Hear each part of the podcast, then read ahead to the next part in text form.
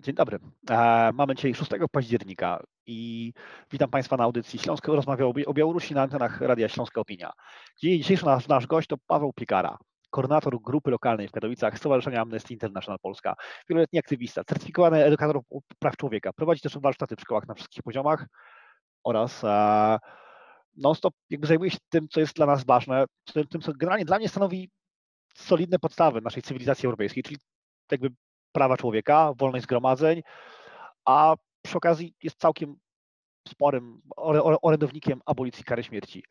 Paweł, skąd w tobie w ogóle cała, cały ten aktywizm, ta chęć działania z ludźmi w ramach praw człowieka oraz tych wszystkich idei, które jakby są czymś jakby takim naszym europejskim, ale jakby to coś, jakby wiesz, dla jednej części osób jest, jest, jest to oczywistość, jakby rzecz, o, o której wręcz nie należy rozmawiać, a zaś gdzie indziej są to rzeczy, które jakby są jakimś takim, wiesz, e, zbędnym narzutem obcych kultur. E, jak się w tym jakby odnajdujesz? Czym, czym dla ciebie są prawa człowieka? Mm, dobry wieczór Mateusz, dobry wieczór Państwu. Mm, to jest też tak, jak mm, miałeś, miałem przyjemność wysłuchać, jak mnie przedstawiłeś. Mm, to jest też tak, że wychodzę zawsze od, od tej edukacji praw człowieka, która jest bardzo istotna dla mnie. Mm, I wydaje mi się, że też zarówno edukacja, jak i socjalizacja młodych ludzi i, e, i, i taka edukacja nie tylko nieformalna, ale przede wszystkim edukacja w szkołach, ma spore, spore, spore znaczenie w, w tym, e, ja w jakim miejscu tak naprawdę ja dzisiaj jestem. E, I to, na jakich nauczycieli trafiłem, będąc w, jeszcze w gimnazjum, będąc jeszcze w podstawówce, oraz w szkole średniej, e, pozwoliło mi tak naprawdę rozpocząć swoją działalność społeczną od e, Młodzieżowej Rady Miejskiej w Zabrzu, naszym, naszym sąsiednim mieście obok Katowic. I, e, I tak naprawdę wychodząc z tej, z tej działalności społecznej, takiej lokalnej, przeniosłem się na studia do, do Katowic i tuż przed przeniesieniem się na studia e, uczestniczyłem w szkole w wydarzeniu, które się nazywa właśnie Maraton Pisania Listów. I, e, i to wydarzenie, jakim jest Maraton Pisania Listów, tak bardzo przekonało mnie do idei praw człowieka, tak bardzo pokazało mi, że e, jest tyle do zrobienia dobrego na świecie, że trzeba walczyć, trzeba, trzeba to robić. I chyba nic w życiu nie przynosi mi takiej przyjemności, jak e, informacja o tym, że e, sytuacja jakiegoś człowieka na, na świecie, jakiejś osoby na świecie została zmieniona na lepsze. Dobra, jakby co ty sam wyciągnąłeś z, z, z, z tamtego marną pisania listów? W sensie, czy była tam jakaś rzecz, rzecz która wiesz, konkretnie ciebie zmieniła, czy jakby to raczej sam fakt brania udziału w tak pozytywnym evencie jak maraton pisania listów wpłynął na ciebie, na, na ciebie pozytywnie? Tak, y, najbardziej znaną kampanią Amnesty International i kiedy spotykam kogoś y, nowego na swojej drodze życia, wśród znajomych, wśród, y, wśród na swojej drodze zawodowej i pytam, czy skąd kojarzy Amnesty International, to słyszę, tak, właśnie z maratonu pisania listów. Pamiętam, jak byłem młody, jak byłam młoda, pisałam listy w szkole to jest tak, że ten maraton zawsze zmienia ludzi. E, to znaczy, nawet jeżeli ktoś nie pójdzie drogą praw człowieka i nie, będzie, nie stanie się nagle wolontariuszką, wolontariuszem e, i będzie działał, działała w, w kwestii właśnie praw człowieka, to ten maraton pisania listów zawsze kojarzy. Więc wydaje mi się, że to jest takie, mm, takie święto, które, e, które zmienia nie tylko sytuację tych osób, dla których piszemy listy, w obronie których piszemy listy, ale zmienia też nas wewnętrznie, nas ludzi, uwrażliwia nas na dobro drugiego Znasz człowieka. Jakiś przypadek, w, który, w którym taki maraton pisania listów naprawdę pomógł jakiemuś więźniowi sumienia? Szczerze mówiąc, e, nie, nie, nie, przypomnę sobie teraz lat, natomiast tych przypadków e, było, było naprawdę dużo, e, które, mm, które oczywiście mm, zmieniły się na lepsze. I tego mm, to nie jest też tak, że jest maraton, mamy na nim około 10 do 12 y, przypadków naruszeń praw człowieka i y, te 10-12 przypadków nagle zostaje zmienionych. Bo to jest też tak, że piszemy listy w obronie tych osób, czasami piszemy listy wsparcia do tych osób i y, to jest to jest sytuacja, która może ulec zmianie w ciągu miesiąca od maratonu pisania listów, a może ulec zmianie w ciągu dwóch, trzech lat. Więc ciężko mierzalne jest tak naprawdę to, mm, który maraton jak bardzo pomaga. Natomiast dostajemy dobre informacje. Dostajemy informacje, że prawodawstwo w krajach się zmienia. Dostajemy informacje, że więźniowie sumienia zostają uwolnieni z więzień. Dostajemy informacje, że jakieś e, tak naprawdę mm, prawa dotyczące osób zostały zmienione w danym kraju i, e, i to jest, e, to, to tak naprawdę napędza do działania w kwestii praw człowieka. Wolisz pisać listy takie, wiesz, wspierające, czy takie, które jakby e, są skierowane do kierownika więzienia, czy do ludzi politycznych po to, żeby kogoś uwolnić? W sensie, czy masz tak jakąś, nie wiem, swoją własną gradację, które listy według ciebie są lepsze? Albo mm. ciekawsze, które mhm. wolisz pisać? Jeżeli, jeżeli e, miałbym wypowiedzieć się subiektywnie, to tak, wolę listy, które e, wzywają do natychmiastowego e, uwolnienia danej osoby, do, natychmiastowego, do natychmiastowej zmiany prawodawstwa. Mm, bardzo lubię uczucie, w, w którym piszę, ten moment, w którym piszę w liście, jakie są argumenty za tym, żeby, żeby te, te prawo zostało zmienione, dlatego że to daje mi taką siłę do, mm, do życia, do, działa, do działania w prawach człowieka, ale też do takiego zwykłego życia i myślenia o tym, że świat może być lepszy, że świat y, może być y, pełen pokoju, bez wojen, bez, y, bez, bez tak naprawdę naruszeń praw innych ludzi. Jak piszesz taki list, to starasz się używać wzorca, który dostajecie z, z, z centrali, czy jakby często bierzesz kartkę, jakby piszesz coś własnymi słowami, starasz się zrobić, żeby ten list był taki, wiesz, taki prawdziwie osobisty? Ja już mam tak spore doświadczenie w e, maratonie pisania listów, że zawsze piszę własnymi słowami, ale nie ukrywam, że mój pierwszy maraton, mój drugi maraton to były maratony, które, mm, które no sporo, sporo mi pomógł taki wzór listu i, e, i też e, takie tło danej sprawy, tak to, to jest bardzo, e, bardzo pomocne, dlatego że wiemy wtedy, e, jak powinien brzmieć taki list. E, natomiast trzeba zaznaczyć tutaj jasno, że jest to tylko propozycja i, i najistotniejsze chyba w pisaniu listów jest to, żeby znaleźć swój własny język, swój własny przekaz i napisać list z własnego serca masz jakieś, nie wiem, stałe formułki, które wrzucasz w listy, albo coś, co jest takim twoim, jest takim, nie wiem, znakiem rozpoznawczym twoich listów? Tak, w moich listach zawsze używam słowa bezwzględnie wzywam. Jest to, jest to dla mnie faktycznie taki znak rozpoznawczy. Szczerze mówiąc, nigdy się nad tym nie zastanawiałem, ale, ale y, w każdym liście, na każdym maratonie pisania listów używam słów wzywam. Natomiast y, oczywiście, tak jak wspomniałeś wcześniej, piszemy również listy wsparcia. Wtedy nie używam słów wzywam, tylko y, wspieram. Miałeś okazję pogadać z jakimś wiesz, więźniem sumienia, który nie wiem, został uwolniony albo którego warunki się polepszyły w wyniku a, takiego maratonu listów? Miałeś, nie wiem, jakiś kontakt z osobą, która była, wiesz, po drugiej stronie? Mhm. E, tak, e, mieliśmy e, okazję połączyć się internetowo jako aktywiści, aktywistki Amnesty International w Polsce z Alesiem Bielackim. To jest aktywista białoruski właśnie, który mm, został zamknięty w więzieniu za swoje działania. Jednym z, jednym tak naprawdę z takich grup praw człowieka w, na Białorusi, które e, były łamane, e, to e, były właśnie prześladowania działaczy praw człowieka. Jednym z takich działaczy był właśnie mm, Aleś Bielacki. Mieliśmy okazję z nim porozmawiać i mieliśmy okazję, wprawdzie osobiście nie zadawałem pytań, ale z pytaniami zadawanymi przez inne osoby się utożsamiałem. Pojawiały się między innymi pytania odnośnie tego, jak on się czuł w tym więzieniu. E, opowiadał o tym, e, jak e, bardzo źle psychicznie mu było w, w tym więzieniu.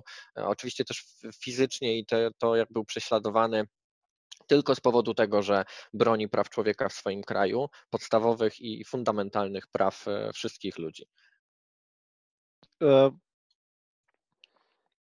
Jakie, jakie masz wrażenie, czy jakby czy te protesty, które są teraz oraz to, jak Białoruś aktualnie łamie pra, prawa człowieka, jakkolwiek różni się od tego, co, co było wcześniej, czy jakby, bo przyznam się szczerze, że jakby wiesz, z mojej perspektywy, jak czytam aktualne doniesienia o tym, co robi państwo białoruskie w więzieniach i jakby jak traktuje aktualnie tam ludzi, to mamy tu taką negatywną nową jakość. I jak to mm. wygląda, wiesz, jakby, wiesz, to znaczy no, negatywną nową, nową jakość? W sensie jakby no, te represje się bardzo mocno nasiliły względem jakby opozycji, względem e, Łukaszenki. Czy to jakby sprawia, że jakby jest większy sens jakby teraz działania, czy jakby, czy jakby, czy jakby każde łamanie praw człowieka z, z, z twojej perspektywy powinno spotykać reakcje czy to opinii międzynarodowej, czy jakby nas, aktywistów, ludzi, którzy jakby działają w ramach tego? Zdecydowanie y, każde naruszenie praw człowieka powinno spotykać się z odpowiedzią i działaniem. E, nie powinniśmy przechodzić obojętnie obok e, łamania praw i wolności człowieka.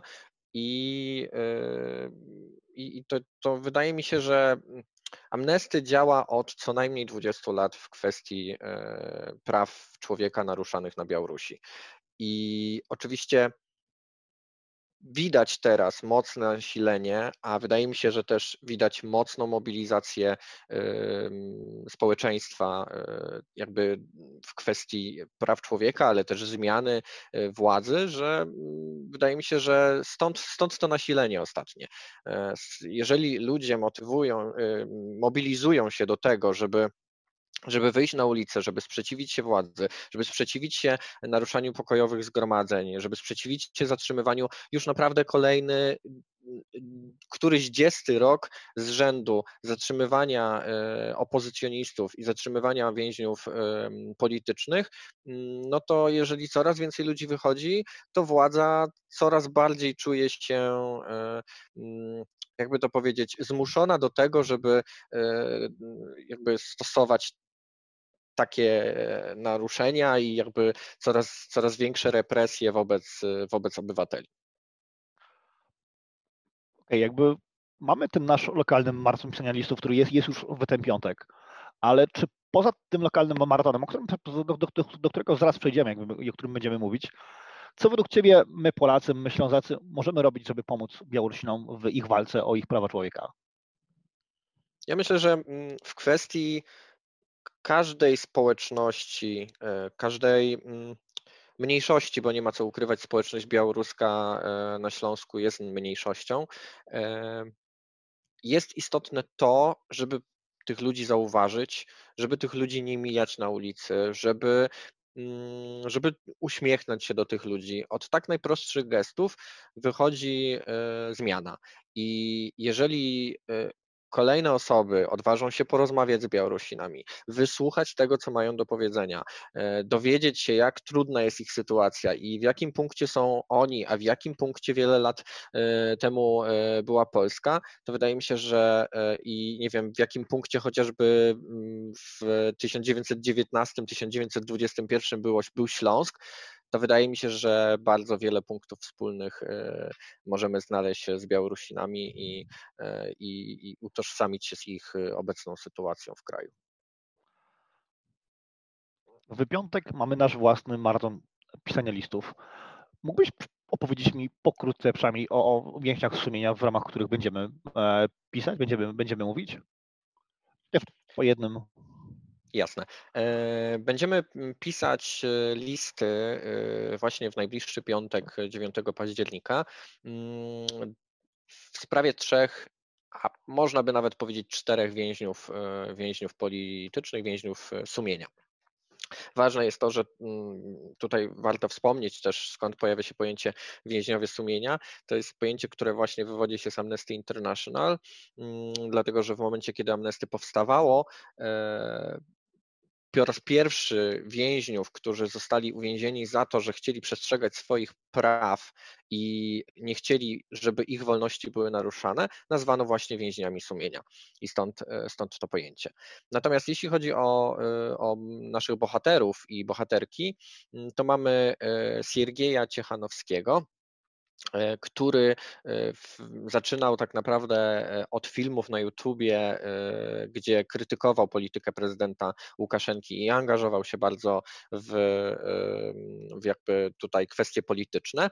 No i w momencie, kiedy Siergiej chciał jakby jeszcze bardziej się zaangażować w politykę, został zatrzymany. I na to wszystko żona Siergieja, czyli nasza druga bohaterka, to jest Swietłana Cichanowska, zgłosiła swoją kandydaturę e, na e, prezydentkę w momencie, kiedy uniemożliwiono jej e, kandydowanie jej mężowi. I, I również jakby Swietłana została zatrzymana. Na szczęście została już wypuszczona, ale, ale oczywiście represje wobec niej i wobec jej męża ciągle miały miejsce.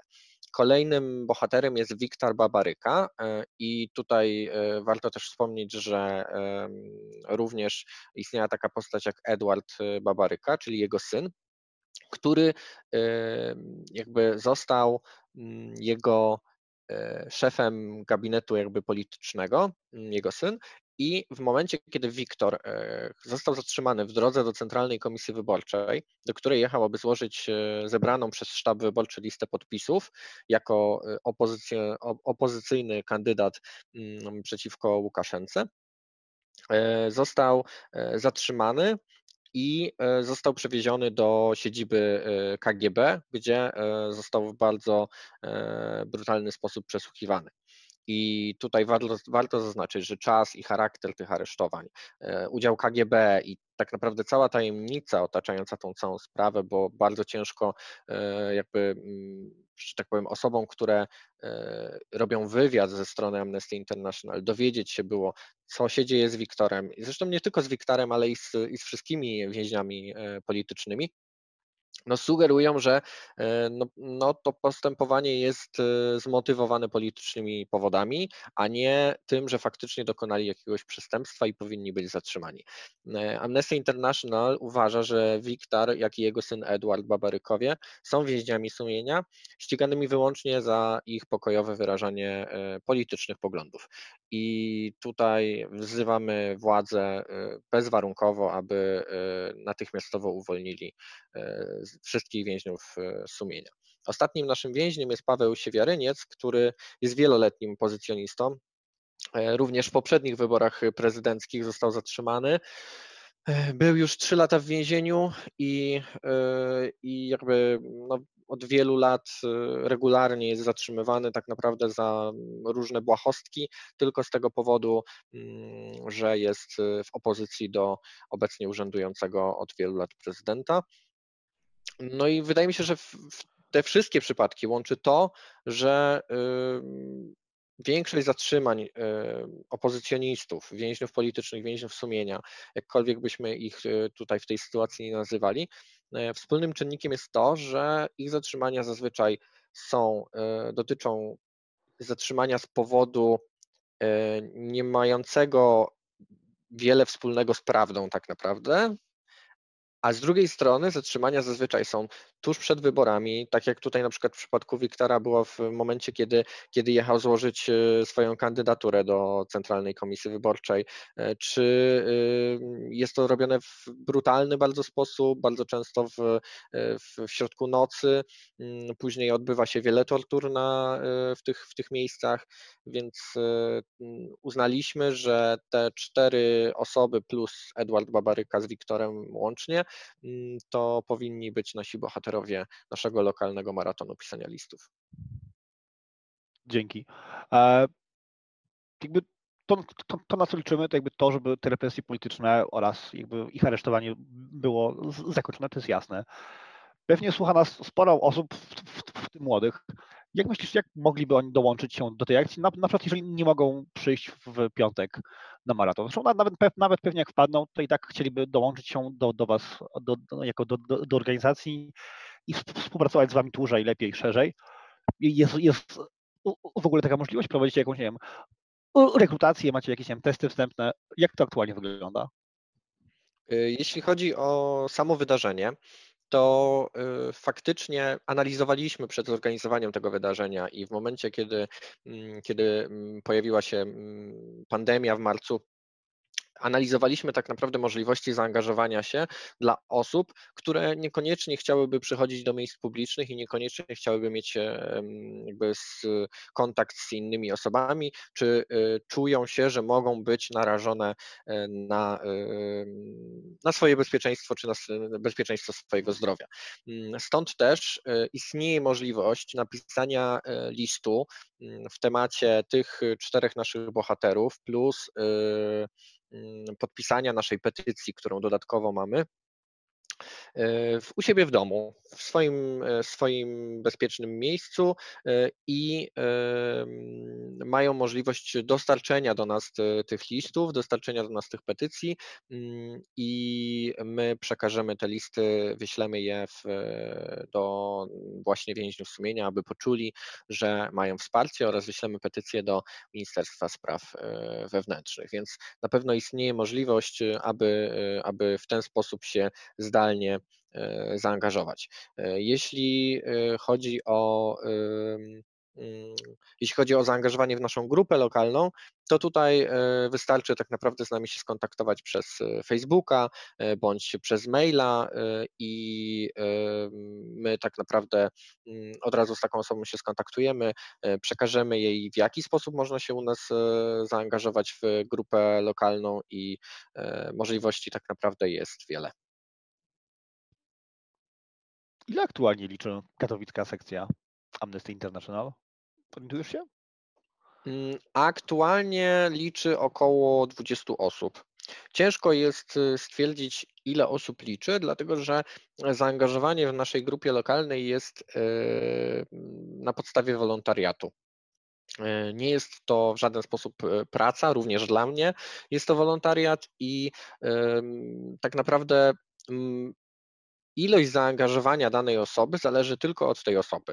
Nie, nigdy nie, nie wymagamy, aby ktoś podpisywał jakieś deklaracje, po, poza oczywiście umową wolontariacką, natomiast to jest, to jest już wzgląd formalny mm, i też, też takiego bezpieczeństwa dla osób, które, które biorą udział w naszych wydarzeniach.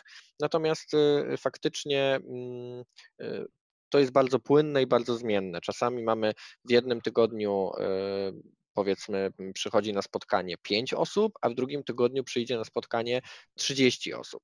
E, I w kolejnym tygodniu przyjdzie na przykład 10 osób zupełnie innych od tych, które były tydzień, dwa tygodnie wcześniej.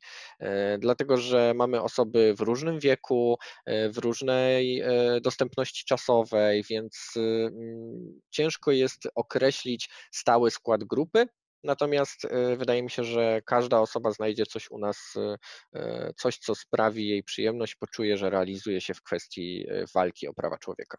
Dzięki Paweł za tą informację. Do rozmów o temat katowickiego sekcji Amnesty International wrócimy zaraz po krótkiej przerwie reklamowej, a w tym momencie bardzo dziękuję słuchaczom, którzy nas słuchają. Dzień dobry, witamy po przerwie. Z tej strony Mateusz Wdowczyk, z nami jest Paweł Piekara, koordynator grupy lokalnej w Katowicach. Tuż przed jakby pójściem offline, e, rozmawialiśmy o, o katowickiej grupie lokalnej Amnesty International i o tym, jak można do niej dołączyć. Paweł, czy chciałbyś może rozwinąć ten temat, jakby powiedzieć coś więcej naszym radiosłuchaczom, jak można do Was dołączyć, co można u Was zrobić? Oczywiście. Tak jak y, wspominałem przed y, y, przerwą, mm, czasy są też troszeczkę inne. W trochę innej rzeczywistości jesteśmy dzisiaj niż tak naprawdę przed marcem tego roku i możliwości zaangażowania też musieliśmy w pewien sposób zrewidować i zastanowić się, mm, jak umożliwić zaangażowanie się różnym osobom e, w działalność naszej grupy lokalnej mm, w, w czasach, w jakich jesteśmy aktualnie. I tutaj warto wspomnieć, że poza tym, że oczywiście spotykamy się regularnie w różnych miejscach z zachowaniem oczywiście mm, środków bezpieczeństwa. Natomiast jest również możliwość uczestniczenia w naszych spotkaniach online, zobaczenia tak naprawdę, jak e, wygląda działanie grupy, jak wyglądają nasze regularne spotkania, na których mm, planujemy różnego rodzaju wydarzenia, tak jak najbliższy e, piątkowy e, maraton pisania listów dla Białorusi. Mm, I zastanowić się nad tym, mm, gdzie widzimy swoje miejsce i w jaki sposób chcielibyśmy realizować ideę praw człowieka, a tutaj możliwości jest, jest sporo. Podstawowym działaniem grupy lokalnej jest aktywizm. Mm, I tutaj przez aktywizm rozumiemy na przykład e, różnego rodzaju happeningi e, w miejscach publicznych. Na przykład chcemy zorganizować powiedzmy jakiś happening obrazujący na rynku w Katowicach sytuację praw człowieka w Białorusi. Organizujemy różnego rodzaju transparenty, zastanawiamy się nad tym, czy chcemy wygłosić jakiś, jakieś przemówienie do osób przechodzących przez rynek w Katowicach i taki happening organizujemy. On ma na cel, zastanawiamy się wtedy też nad tym, jaki jest cel takiego wydarzenia, mm, czy na co chcemy zwrócić uwagę, jakie byśmy chcieli osiągnąć rezultaty takiego wydarzenia. Mm, I takie wydarzenie na przykład możemy właśnie aktywistyczne zorganizować. Innym wydarzeniem może być po prostu zbieranie petycji, mm, tak jak teraz dysponujemy na przykład petycją dotyczącą Białorusi, e, która wzywa e, ministra spraw wewnętrznych do ochrony pokojowych demonstrantów na Białorusi i, i domagania się mm, prawa do, do wolności e, tych pokojowych zgromadzeń. Mm, możemy zbierać takie podpisy i, i osoby, które zechcą poprzeć te, taką petycję, po prostu przesłać tę petycję do, do Ministerstwa Spraw, Spraw Wewnętrznych. I taki aktywizm to jest jakby jedna z gałęzi. Dodatkową gałęzią, e, drugą taką, takim filarem jest na pewno edukacja e, nieformalna. I jeżeli ktoś poczuje, że chciałby się zaangażować w, e, w edukację, to może przejść szereg szkoleń, który przygotuje taką osobę do bycia certyfikowanym edukatorem, edukatorką mm, i taka osoba będzie mogła z ramienia Amnesty prowadzić właśnie warsztaty w, w w temacie praw człowieka, w różnych tematach tak naprawdę mm, i kampaniach, które prowadzi Amnesty. Natomiast na pewno to jest szereg przygotowania i szereg szkoleń e, różnego rodzaju, które e, do takich warsztatów e, przygotują. Co istotne, te warsztaty. Mhm. Mhm. Czym dla, dla Ciebie jest edukacja nieformalna? Edukacja nieformalna to jest dla mnie mm, taki puzzle, który jest w stanie uzupełnić braki edukacji e, szkolnej, edukacji formalnej.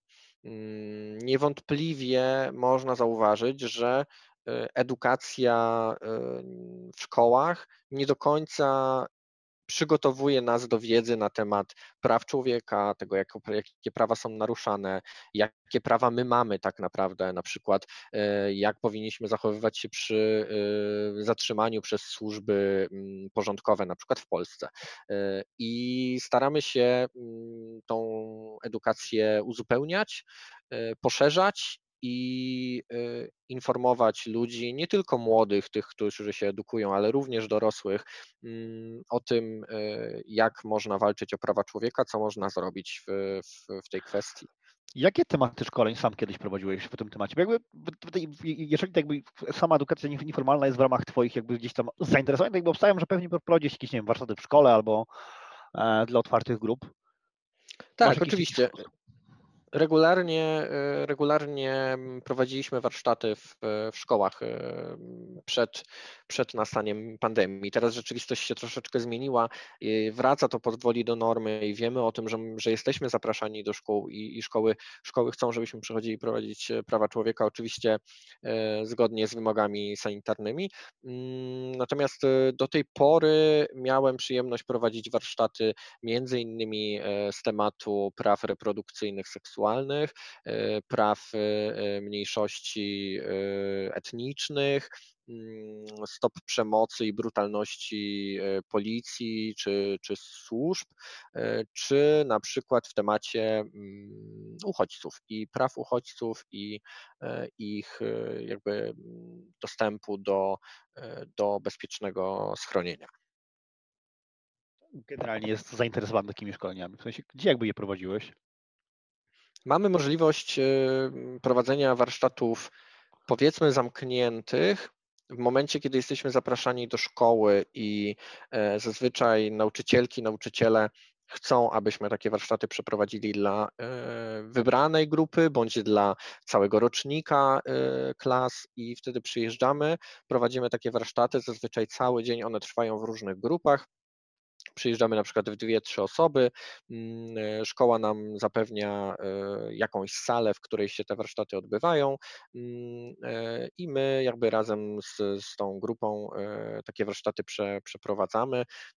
Jest też możliwość zorganizowania warsztatów i takie też prowadziłem i, i organizujemy, to są warsztaty otwarte. Wtedy na stronach Amnesty, na stronie naszego, naszej grupy lokalnej Amnesty pojawia się informacja o otwartych zapisach mm, i wtedy zazwyczaj taka grupa jest bardziej różnorodna wiekowo, e, dlatego że przychodzą osoby od 16 roku życia do nawet 50-60 lat. Zdarzyło mi się z takimi, z takimi osobami pracować na, na takich warsztatach otwartych. Które warsztaty są trudniejsze? Te z młodzieżą czy te z dorosłymi? Hmm. Wydaje mi się, że każde warsztaty stawiają przed, y, przed, przed prowadzącym mm, pewne wyzwanie y, i każde mają swoją specyfikę. Te warsztaty y, dla mm, powiedzmy grup otwartych mm, stawiają pytanie, czego możemy się tak naprawdę spodziewać. Oczywiście mm, taki edukator, taki facylitator, bo tak to się mm, profesjonalnie nazywa, mm, musi być otwarty na to, że mogą się pojawić różne opinie, różne zdania, różne nastawienia i y, to jest jakby coś, z czym, z, czym, z czym się mierzymy na co dzień i w każdym typie tych warsztatów. Natomiast y, na pewno bardziej przewidywalną grupą y, są grupy szkolne. Zupełnie inaczej prowadzi się warsztaty w, u dzieciaków 1-3 w podstawówce, zupełnie inaczej prowadzi się w szkołach, w szkołach średnich. Wiesz, no jakby nie, nie, nie z, mojej, z mojej perspektywy nie, nie miałbym problemu, żeby zrobić zwłaszcza warsztaty z, z edukacji seksualnej, czy, czy w temacie uchodźców w szkole, gdzie jakby wiesz, mam, mam twardy grunt, wiem, że jakby dyrekcja czy szkoła jakoś kontroluje tą grupę, ale mówiąc miałbym ogromny strach, lęk, czy nawet pewnie bym się nie odważył zrobić rozmów o e, tym, jak tak naprawdę wygląda sprawa z, z, z tożsamością płciową człowieka w, w sposób otwarty. Nie? Jakby no, ta, mamy dzisiaj tą pewną jaką kulturę społeczną, czy tam nagonkę, która jest też powodowana przez naszych polityków i zrobienie takiego warsztatu no jakby trochę jest takim społecznym samobójstwem, w sensie jakby a chodzi mi o to, że jakby gdybym chciał, go zrobić, tak, taki warsztat otwarty dzisiaj, to jakby chyba bardziej bym się skupiał na tym, jak walczyć z ludźmi, którzy przyjdą tam, żeby mi przeszkadzać, niż żeby, niż żeby przekazać tak, taką wiedzę wprost. Czy ty jak robiłeś takie otwarte warsztaty, jakby miałeś sporo przeciwników politycznych praw człowieka jakby, jakby na, na, takim spotkaniu, to oni jakby generalnie unikają takich spotkań, więc jakby masz szansę dotrzeć do osób, które jakby chcą z tobą, z tobą o tym pogadać, jakby wiesz, wejść w, w, w, w pewien dyskurs. E, Tutaj y, zmierzamy tak naprawdę do mm, tego, jaka jest moja rola na warsztatach, dlatego że y, celowo użyłem wcześniej stwierdzenia facylitator, facylitatorka, dlatego że y, sam proces facylitacji, stąd właśnie się wzięło to słowo, polega na tym, że jesteśmy mm, tak naprawdę na warsztatach nie mm, specjalistą czy specjalistką, która przychodzi przekazać wiedzę, tak jak to wygląda na przykład na wykładach czy na szkoleniach, tylko jesteśmy osobą, która ma moderować proces i tak naprawdę sprawić, że wiedza nie wyjdzie od nas, tylko wyjdzie od uczestników i wzajemnie e, ta wiedza zostanie między nimi e, przekazana, uzupełniona, mm, opiniami, opiniami uczestnicy, uczestniczki się wymienią, a my tak naprawdę sprawimy, że ten proces będzie mm, będzie zamknięty w odpowiednich, przepraszam, odpowiednich ramach czasowych, będzie odpowiednio różnorodny, dlatego że stosujemy różnego rodzaju mm, ćwiczenia czy panele, które są aktywizujące w różny sposób, różne zmysły y, uruchamiamy, mm, a jednocześnie usystematyzujemy tą wiedzę, czyli ta wiedza, która mm, tak naprawdę padnie z ust, y, czy, czy jakby zostanie przekazana gestami od e, wszystkich uczestników, uczestniczek, zostaje tak naprawdę mm, przez nas e, sprowadzona do tego, jakie stanowisko ma w tym temacie e, Amnesty International. Bo ważnym jest to, że wszystkie warsztaty Amnesty International to nie są warsztaty po prostu o prawach człowieka, Oczywiście też, bo to jest podstawa działania przecież amnestii. Natomiast sprowadza się do tego, jak jaki, jaki stosunek, jakie, mm, jakich praw, jakich zmian, jakich, y, jakiego zatrzymania pewnych praw żąda amnestii mm, i do jakiego stano, jakie stanowisko w kontekście tych danych sytuacji praw człowieka na świecie czy w Polsce y, zajmuje Amnesty International. Y, I oczywiście, że Oczywiście pojawiają się e, przeciwnicy na takich e, spotkaniach, osoby, które mają e, zgoła odmienne zdanie od stanowiska Amnesty International. Natomiast zawsze sprowadzamy mm, dyskusję na ten temat. Oczywiście to nie jest tak, że taka osoba zostaje, nie wiem, wyproszona z warsztatów, czy w jakiś sposób uciszona, czy, mm, czy w jakiś sposób źle potraktowana z naszej strony, dlatego że istotne jest to, że takie zdanie musi też wybrzmieć, żebyśmy mieli jasność, że mm, nie po to walczymy o te prawa człowieka, żeby wszyscy sobie bili brawo i przyklaskiwali. Wręcz e, lubię warsztaty, na których pojawia się głos sprzeciwu i to czasami nawet bardzo wyraźny, dlatego że to pozwala dyskutować o tym, skąd ten głos sprzeciwu się dzieje, e, bierze, skąd e, amnesty się temu sprzeciwowi, sprzeciwowi sprzeciwia i dlaczego tak naprawdę chce walczyć o, o zmianę. Masz jakąś taką fajną anegdotę z, z, z, z tego typu sytuacji? Jak nie wiem, jak wybrnąłeś z, tak, z, takiej trudnej sytuacji?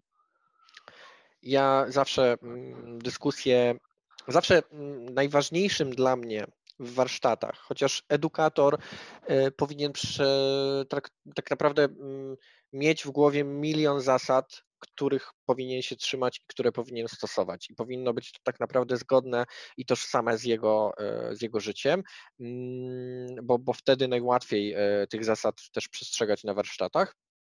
Natomiast dla mnie podstawową i fundamentalną zasadą warsztatów jest e, taki safe space, taka bezpieczna przestrzeń, gdzie każdy uczestnik i każda uczestniczka może czuć się bezpiecznie i może czuć, że to, co wypowie, zostanie potraktowane z szacunkiem i zostanie tylko na sali warsztatowej. Jest taka jedną, jedną z zasad, pozwolę sobie zradzić na warsztatach, jest zasada Las Vegas, czyli to, co wydarzyło się w Las Vegas, zostaje w Las Vegas.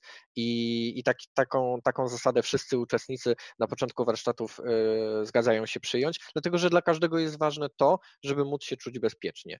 I y, w momencie, kiedy taka osoba się wypowiada y, w na temat mm, niezgodny z moimi wewnętrznymi przekonaniami, czy nawet nie, nawet nie tyle moimi wewnętrznymi, które powinienem e, troszeczkę schować do środka na, podczas warsztatów, tylko z przekonaniami Amnesty International, które reprezentuję na takich warsztatach mm, to zawsze staramy się tą dyskusję prowadzić w sposób merytoryczny, żeby zawsze był, e, był dialog i, i rozmowa na temat tego, mm, jak, jaki, jak, jaki można by było znaleźć kompromis, jakie by można było znaleźć powiązanie. I zapytałeś mnie o anegdotę, to powiem tylko krótko, że miałem raz taką sytuację trudną, e, gdzie mm, dyskusja nie była najprostsza na warsztatach i prowadzenie tych warsztatów nie tylko dla mnie, ale też z ust uczestników, e, uczestniczek słyszałem, że nie było to proste ponieważ była osoba, która sprzeciwiała się wszystkiemu i, i, i miała argumenty na nie, od samego początku. Natomiast y, w momencie, kiedy skończyliśmy trzydniowe warsztaty, bo był to cały weekend warsztatów po mniej więcej 6-8 godzin dziennie, mm, na sam koniec przy ewaluacji warsztatów i możliwości wypowiedzenia się na temat tego, jakie y, dana osoba ma wrażenia y, na temat warsztatów, usłyszeliśmy od tej osoby, że mm, że naprawdę daliśmy jej sporo do myślenia i chciałaby się głębiej nad tymi wszystkimi tematami, które na warsztatach poruszaliśmy, mm, zastanowić. I to są takie chwile, w których uważam, że edukacja praw człowieka ma naprawdę sens.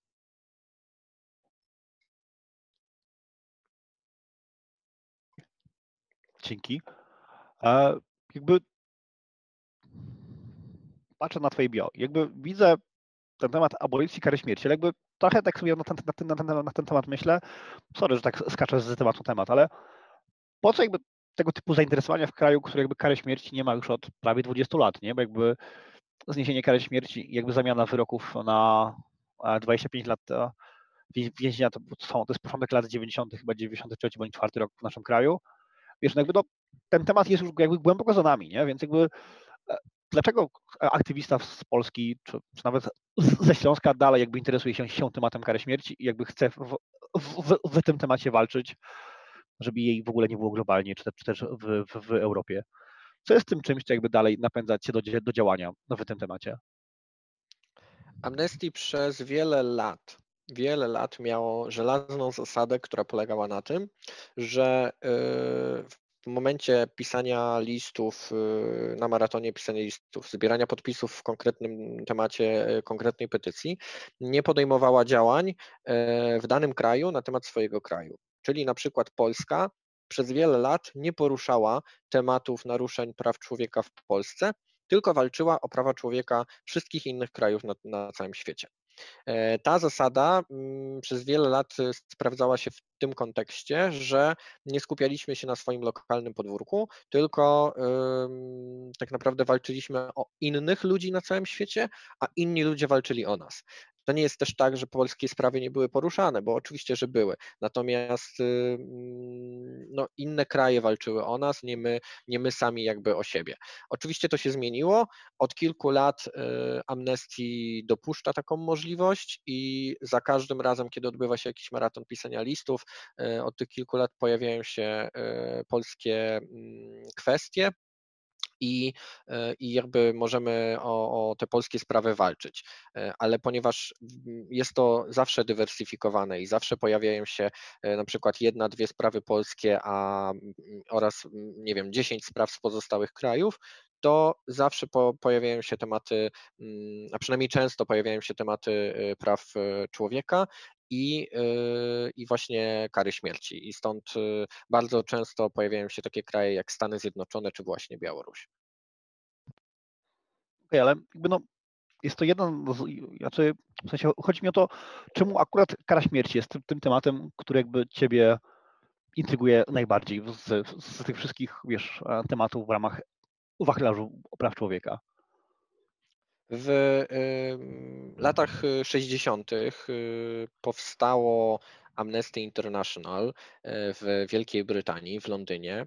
Mm, I e, tak naprawdę Peter Benenson, czyli założyciel Amnesty International, przeczytał w gazecie historię e, dwóch studentek bądź studentów, nie jest to doprecyzowane, niestety nie ma takich źródeł, które wzniosły toast za wolność, cieszyły się za wolność i świętowały z tego powodu i po prostu z tego powodu, że świętowały wolność, zostały zatrzymane i zaczęły się pojawiać przypadki e, skazań na e, karę śmierci.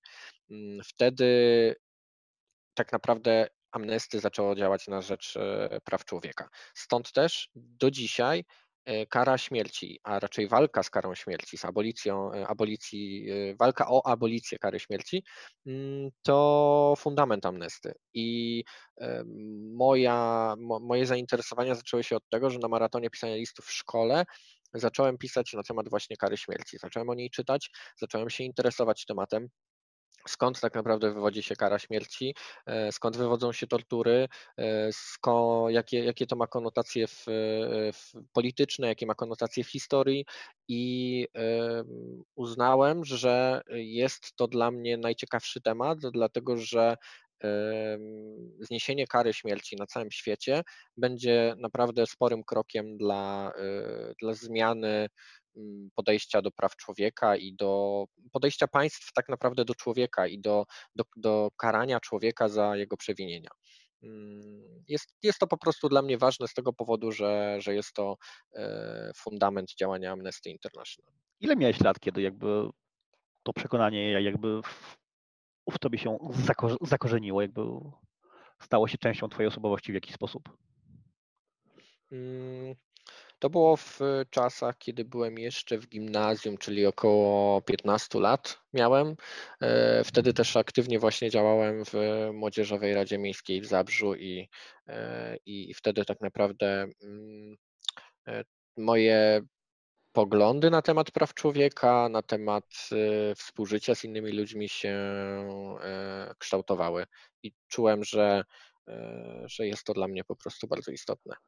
To te poglądy stały za Twoją decyzją o pójściu na politologię, czy jakby miałeś jakieś inne argumenty, które sprawiły, że chciałeś akurat ten kierunek studiować, a nie inny? Mm, moja decyzja o zaczęciu y, nauk politycznych na Uniwersytecie Śląskim mm, była podyktowana tym, że właśnie działałem w Młodzieżowej Radzie Miejskiej.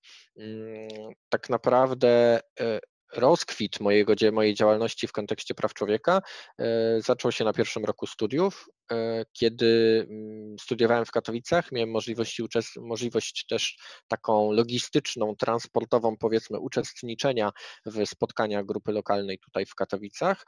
E, I dużo wspólnego mają prawa człowieka z polityką, z politologią i z badaniem nauk politycznych.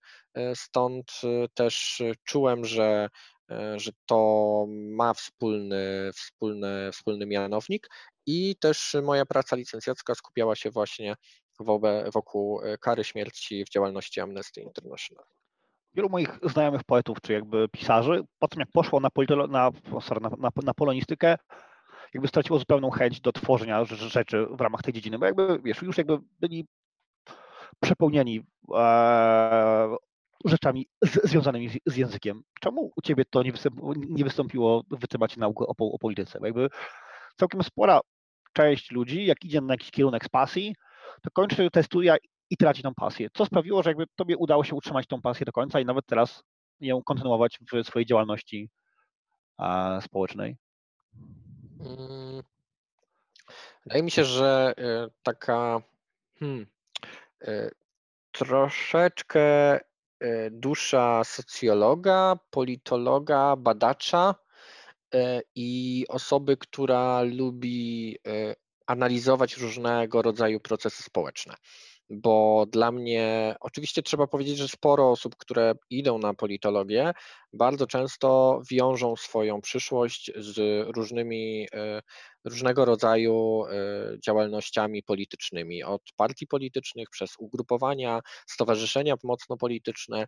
Mm, natomiast ja zawsze uważałem, że dla mnie istotna jest transparentność. Nigdy, nigdy mnie do takiej polityki, polityki stuprocentowej e, nie ciągnęło i zawsze uważałem, że dla mnie najistotniejsze jest to, żeby politolog stał ponad polityką i potrafił analizować to, co się dzieje, patrzył e, tak naprawdę trzeźwym okiem i potrafił mm, pewne procesy przewidzieć. I e, chociaż mm, moja przygoda z politologią stricte skończyła się na licencjacie, to uważam, że bardzo dużo wyciągnąłem z, z tego kierunku e, takich tak dla siebie jako dla obywatela, nawet nie dla Pawła jako działacza y, praw człowieka, tylko dla Pawła jako obywatela, który podchodząc na przykład do mm, podstawowego y, prawa obywatelskiego, czyli y, udziału w wyborach, potrafię podejść bardziej trzeźwym okiem i potrafię pewne procesy przewidzieć,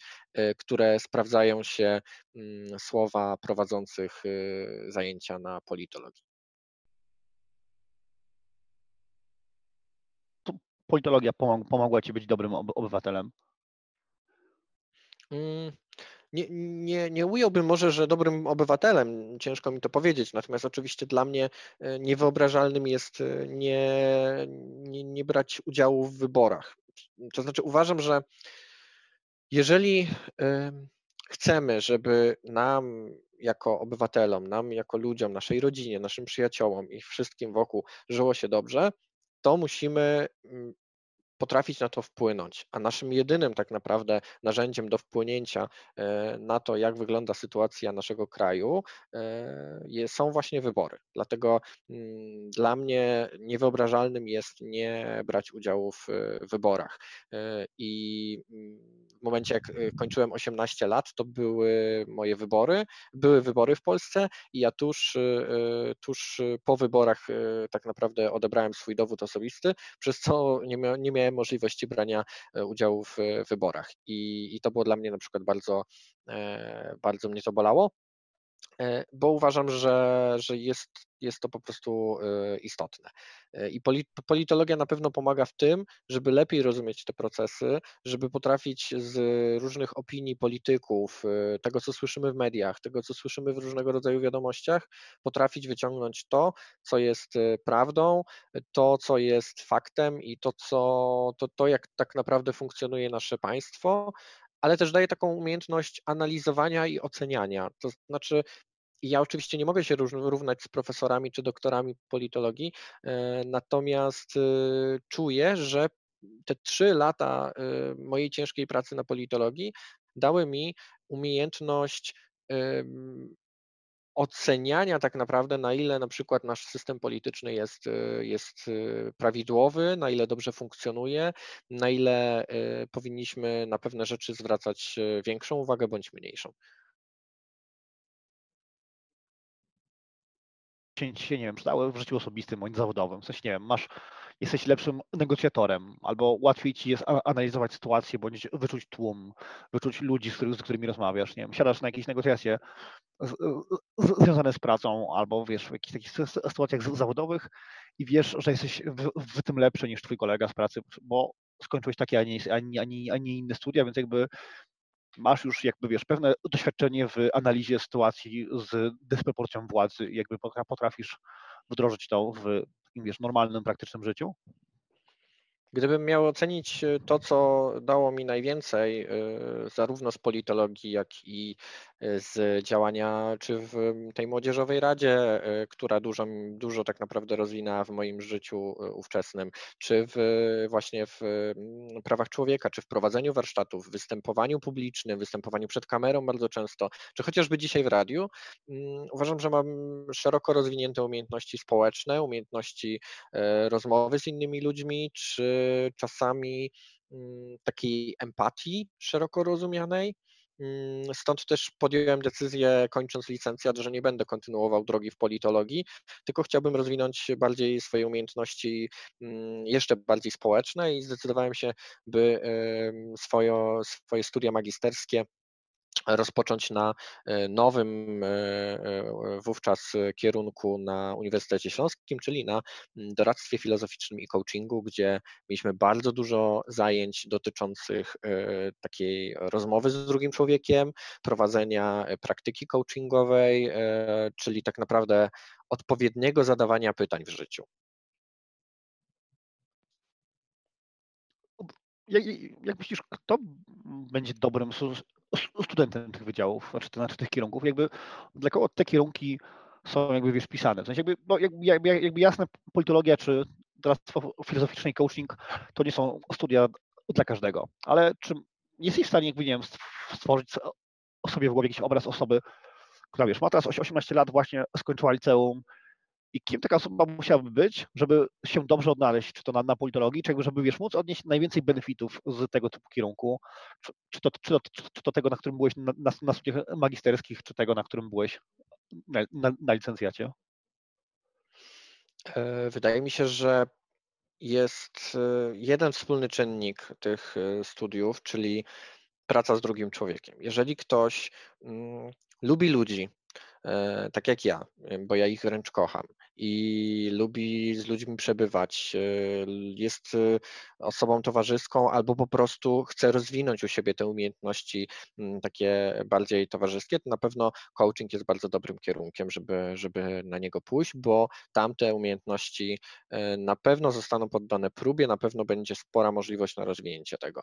Jeżeli ktoś lubi politykę, a nawet nie tyle politykę w tym mm, powiedzmy negatywnym, pejoratywnym znaczeniu, bo bardzo często ją tak odbieramy, e, ale lubi, e, ceni sobie nasze państwo i czuje, że na przykład przedmiot wiedza o społeczeństwie jest przedmiotem, który chciałby rozwijać, tak jak ja, bo od tego przedmiotu tak naprawdę w szkole wyszedłem, to, e, to politologia na pewno jest dla osób, które są szerzej zainteresowane mm, no, byciem świadomym obywatelem i, i jakby rozwijaniem umiejętności takich e, społecznych e, i takich interpersonalnych.